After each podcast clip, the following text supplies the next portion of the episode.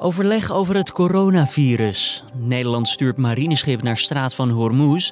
En de loting van de halve finales van het Eurovisie Songfestival. Dit wordt het nieuws. Maar ja, de kans dat Nederland twee keer achter elkaar gaat winnen, dat, dat, is wel heel erg, uh, dat ligt heel ingewikkeld. In Rotterdam komen Europese landen samen om de loting voor de halve finales van het Eurovisie Songfestival bij te wonen. Je hoort straks van entertainmentverslaggever Lara Zevenberg hoe belangrijk deze dag voor Nederland is, of er voordelen zijn per halve finale en je hoort of het nadelig is dat Nederland alleen in de finale mag spelen. Verder een kleine huishoudelijke mededeling. Ik heb nogal wat last van mijn kaak. Een afspraak met standaard is al gemaakt, maar mocht je denken waarom spreekt die jonge woorden soms wat lastig uit, dan weet je in ieder geval waardoor dat komt. Dan eerst het belangrijkste nieuws van nu. Mijn naam is Julian Dom en het is vandaag dinsdag 28 januari. Het coronavirus is nu ook in Duitsland bij een persoon vastgesteld. De patiënt zou in isolatie zijn geplaatst en maakt het naar omstandigheden goed. Wereldwijd zijn er inmiddels meer dan 4500 mensen besmet geraakt. 106 personen zijn omgekomen. Het virus in Duitsland is aangetroffen in de regio Beieren. Een speciale werkgroep onderzoekt het besmettingsgevaar voor de regio. In Nederland is het virus nog niet gesignaleerd. Verschillende diensten staan wel paraat voor het geval dat. Dit jaar halen gemeenten naar verwachting ruim 411 miljoen euro aan toeristenbelasting binnen. Dat is ruim 100 miljoen euro meer dan vorig jaar. Het grootste deel zal worden geïnd in Amsterdam, al dus het Centraal Bureau voor de Statistiek. Voor de hoofdstad betekent de stijging dat de toeristenbelasting voor het eerst meer oplevert dan de ontroerende zaakbelasting, de OZB. Verder stijgen de inkomsten uit parkeergelden ook naar recordhoogtes, is de verwachting. Mogelijk in een gemeente op dat vlak dit jaar zo'n 1 miljard euro in totaal. Dat komt mede doordat steden het flink duurder hebben gemaakt om te parkeren op straat. Het Amerikaanse Hoge Rechtshof heeft ingestemd met een voorstel van president Donald Trump om immigratie verder in te perken.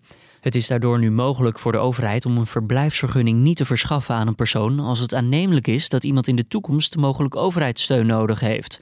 Het gaat dan om zaken als zorgvoorzieningen, voedselbonnen en huisvesting.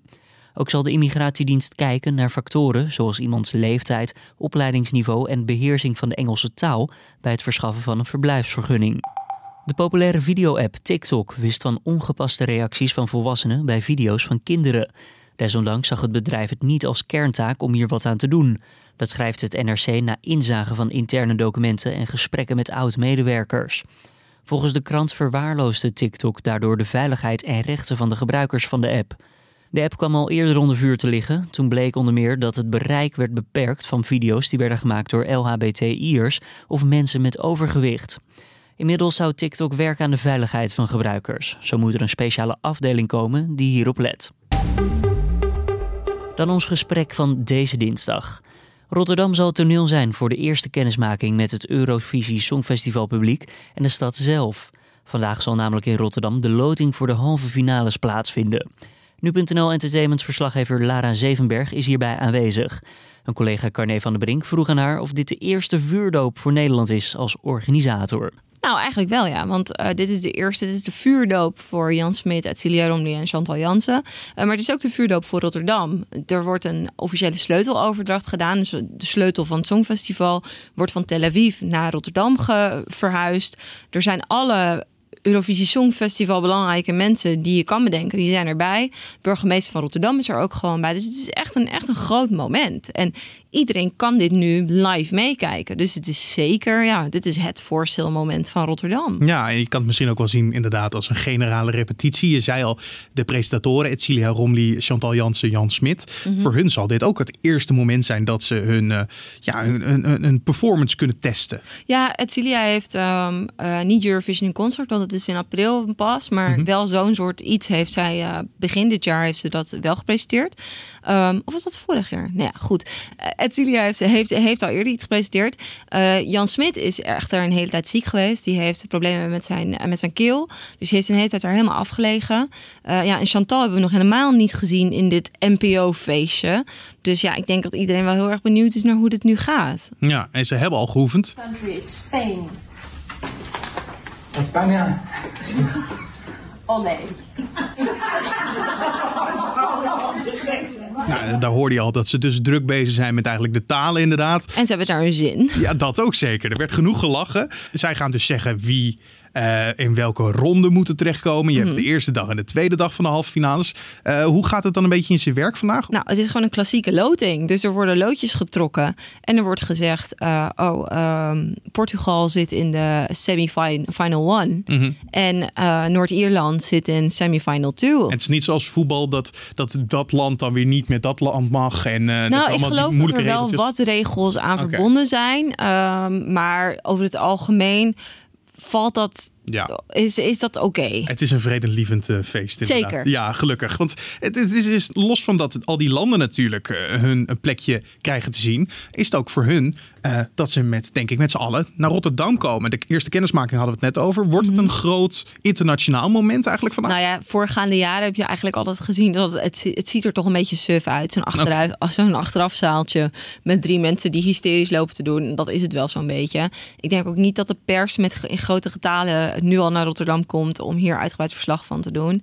Maar de belangrijkste websites over het Songfestival, bijvoorbeeld Vivi-blogs, die zullen daar wel, wel rondlopen. ja, dat zijn de extreem ehm, ja, gepassioneerde Ja, fans die zijn van gewoon helemaal toegewijd aan het Ja. Songfestival. Dus voor hen is het heel logisch om hierbij te zijn. En dat zie je toch vaak met Songfestival-verslaggeving. Dat het grootste gedeelte van de mensen zijn fans. Dus die willen er ook graag bij zijn. Maar nu, er komt geen muziek of zo. Tenminste, dat is voorgaande jaren niet gebeurd. Dus echt heel spannend om erbij te zijn, is het niet. Nee, het is een schaal met balletjes en met kaartjes met de landen toch Ja. inderdaad. Ja, nee, precies. Want als we het hebben dan nog even over die, die, die halve finales. Wat maakt het uit of je nou in de eerste of de tweede halve finale terechtkomt? Ja, het maakt natuurlijk vooral heel veel uit met welke andere landen je terechtkomt.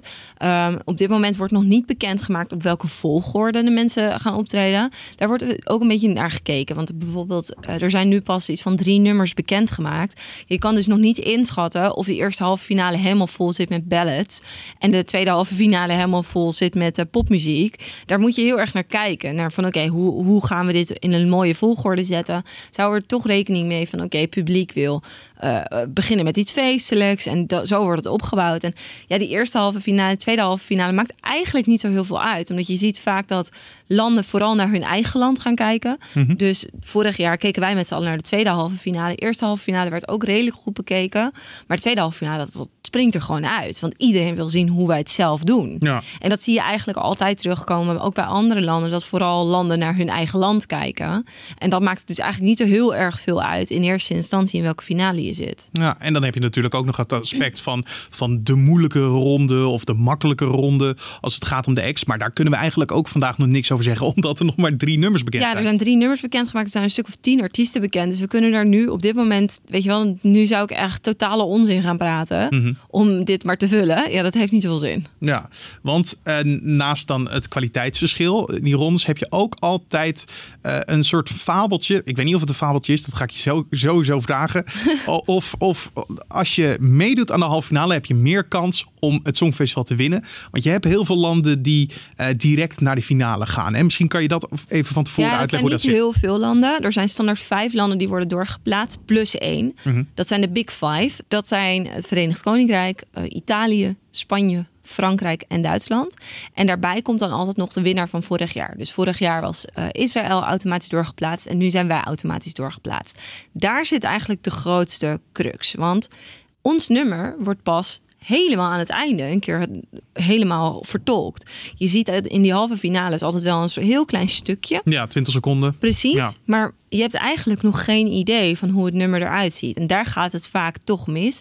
Zeker de laatste jaren zie je heel vaak dat die winnaars van vorig jaar dit jaar dan niet goed doen. Mhm. Eh, je zag Israël, die zakte zo ver weg vorig jaar. Dat, dat is niet te voor te stellen. Met Portugal hetzelfde. Dus dat gaat heel hard. Ja. Dat Je- je maakt wel kun- verschil. Je zou kunnen zeggen inderdaad, eh, het publiek en de televisiekijkers is nog niet gewend aan je nummers, dus kunnen ze nog niet meeleven. Nee, tegelijkertijd hoeft het natuurlijk niet. Nee. Ik bedoel, kijk naar Mammoet. Die heeft vorig jaar is hij voor Italië uitgekomen met hun nummer Soldi. Ja. Eh, nou ja, daar zat een klapje in. Daar zit dus iets heel kenmerkends in, waardoor mensen je onthouden. Hij is uiteindelijk tweede geworden. Dus ik bedoel, het hoeft niet. Ja, maar is het dan echt een fabeltje of zit er toch nog wel een soort van kern van er zit waarheid? altijd een kern van waarheid in. Alleen ik bedoel, je moet wel kijken naar, weet je wel, procentueel zal het uiteindelijk zal het iets minder zijn dan wij allemaal denken. Mhm. Maar ja, de kans dat Nederland twee keer achter elkaar gaat winnen, dat, dat is wel heel erg, eh, dat ligt heel ingewikkeld. Ja, we hebben, ja, dan moeten we een soort nieuwe Johnny Logan vinden in Nederland. Ja, precies. Dat, dat wordt best wel ingewikkeld. En ik bedoel, je ziet ook. Even, even voor de niet Songfestival. Dus de Ierland twee keer gewonnen met Johnny Logan. Even ja, precies. feitjes. Het kan dus wel. Het kan wel. Maar Zeker. de kans is gewoon wel stukken kleiner. Ja, want eh, nou, laten we het toch even over Nederland hebben. Want dat hebben we nog niet besproken in, de, in deze podcast. Nee. Eh, we hebben een kandidaat die het voor ons gaat doen. Django McCroy. Say to step into the water, child. Surrender, don't you try to hide your lies.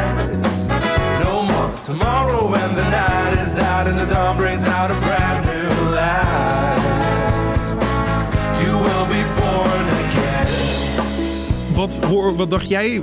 Was je Songfestival hard aan het kloppen toen je hoorde dat hij voor Nederland eh, het ging doen? Nou, heel eerlijk, ik had niet meteen zoiets van, oh die. Toen hoorde ik een nummer van hem. Toen dacht ik, oh, maar ik heb hem wel eens gehoord bij De Wereld Door, geloof ik. Dus daar kende ik hem van. En ja, hij heeft gewoon wel een heel fijn stemgeluid. En hij heeft mooie nummers gemaakt. Dus op zich is het heel leuk om, kan iedereen ook aanbevelen van, ga eens kijken naar wat voor nummers hij eerder heeft gemaakt.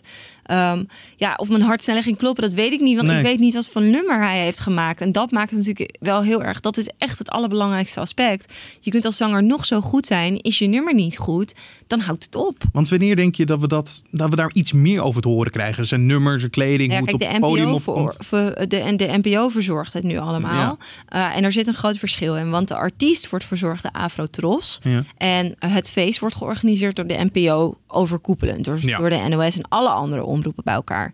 Ik denk dat er wel overlegd wordt. We moeten het een beetje verdelen. We gaan niet in één week en het nummer en de loting doen. Dus ik verwacht binnen nu en twee weken of zo Ja. misschien dat het nummer een keer bekendgemaakt zal worden. Dat zal ongetwijfeld weer gebeuren bij de Wereldwijd Door. Dat is de afgelopen jaren altijd, eigenlijk altijd gebeurd. Eh, daar, die hebben gewoon een goede band daarmee. Dus daar zal het ongetwijfeld neergezet worden. Of misschien op, in op één. Want dat is nu ook eh, gedeeltelijk met alle omroepen bij elkaar. Ja. Maar ik, ja, ik durf niet nu te zeggen, Nee. oh, het zal zeker weten dan zijn. We gaan onze kalender er nog niet bij pakken om een specifiek moment eh, te moeten prikken, inderdaad. Nee, ik niet. Nee, nee, gelukkig. Gewoon alles, alles leeghouden. Precies, dat lijkt me het beste inderdaad. Want eh, dan nog wel even een agendapuntje. Want aankomende donderdag, dan begint de tweede ronde voor de kaartverkoop weer. Ja. Ja, er zijn in totaal drie rondes. Ook in maart is er geloof ik nog eentje. Ehm, de eerste ronde ging echt niet normaal snel. 20 minuten was het uitverkocht. Ja, maar je moet je even bedenken dat ik heb ooit eens ehm, in Israël heb ik in een fanbus gezeten. Ik kwam per ongeluk, de bedoeling was dat ik in de persbus kwam, maar ik kwam per ongeluk terecht in de fanbus. 23 keer leuker, kan ik iedereen aanbevelen. Er zullen in Rotterdam ook heel veel fanbussen rond gaan rijden. Ga er gewoon in zitten, want het is super leuk. Die mensen zijn allemaal extreem fan, hebben allemaal vlaggen op hun gezichten, vlaggen omgehangen, hun haar gedaan, weet ik veel wat. Die mensen komen van over de hele wereld. Peru heb ik iemand uitgesproken. Mensen willen erbij zijn. Echte fans willen erbij zijn. Dus die mensen zitten allemaal te wachten tot het moment dat die kaartverkoop begint. Ja, dat gaat keihard. Als je een kaartje wil, vroeg in de wachtrij. Ja, 26 vensters openen. En nou ja, zo gek kan je het niet bedenken. En dan lukt het je waarschijnlijk nog niet. Sorry. Maar eerst moeten we ons dus nog eventjes focussen op de dag van vandaag. Je hoorde collega entertainmentverslaggever Lara Zevenberg in gesprek met collega Carné van den Brink. Dan kijken we ook nog eventjes verder naar de agenda voor deze dag. Zorgminister Bruno Bruins voert overleg over de maatregelen tegen het coronavirus. Maandag schaalde Nederland op naar het hoogste niveau van waakzaamheid met betrekking tot het virus dat vooral in China slachtoffers eist. Bruins praat met onder meer veiligheidsregio's, gemeenten, de GGD en zorgkoepels over de uitvoering van extra maatregelen. En Nederland stuurt een marineschip naar de golfregio voor een missie in de straat van Hormuz. Het fregat met ruim 180 opvarenden moet daar onder meer olietankers beschermen. De internationale missie staat onder leiding van Frankrijk en werd opgezet na enkele turbulente maanden in de zeestraat. In mei en juni werden er meerdere tankers aangevallen. De Verenigde Staten en Iran wezen hierbij met beschuldigende vinger naar elkaar. Dan het weer voor deze dinsdag. Het wordt een regenachtige dag met mogelijk zware windstoten. Ochtends trekken de buien weg, maar lang zal dat niet duren. Ze komen namelijk later op de dag gewoon weer terug. Tijdens die nieuwe buien kan de zuidwesten tot westenwind vrij krachtig tot hard worden. Met aan de kust windstoten tot mogelijk 90 km per uur. En verder wordt het gemiddeld zo'n 6 graden vandaag. Vanavond wordt het duel tussen de Los Angeles Lakers en de Los Angeles Clippers niet gespeeld. De Amerikaanse basketbalorganisatie, de NBA, heeft besloten om de wedstrijd uit te stellen vanwege het overlijden van Kobe Bryant. Bryant speelde zijn hele carrière voor de Lakers. Een nieuwe datum voor het duel is nog niet bekend. Kobe Bryant kwam zondag op 41-jarige leeftijd om het leven bij een helikoptercrash in Californië. Ook de andere acht inzittenden van de helikopter, onder wie zijn 13-jarige dochter, overleefde het ongeluk niet. Dit was dan de Dit wordt het nieuws ochtendpodcast van deze dinsdag 28 januari. Tips of feedback? Dat kan je ons laten weten via podcast.nu.nl. Dan ga ik door naar de tandarts. Die had vandaag, ja, we zullen het maar tandartshumor noemen, een gaatje in de agenda. Tot morgen weer. Dan kan je om 6 uur ochtends een nieuwe Dit wordt het nieuws ochtendpodcast verwachten. Mijn naam is Julian Dom en voor nu een hele fijne dag.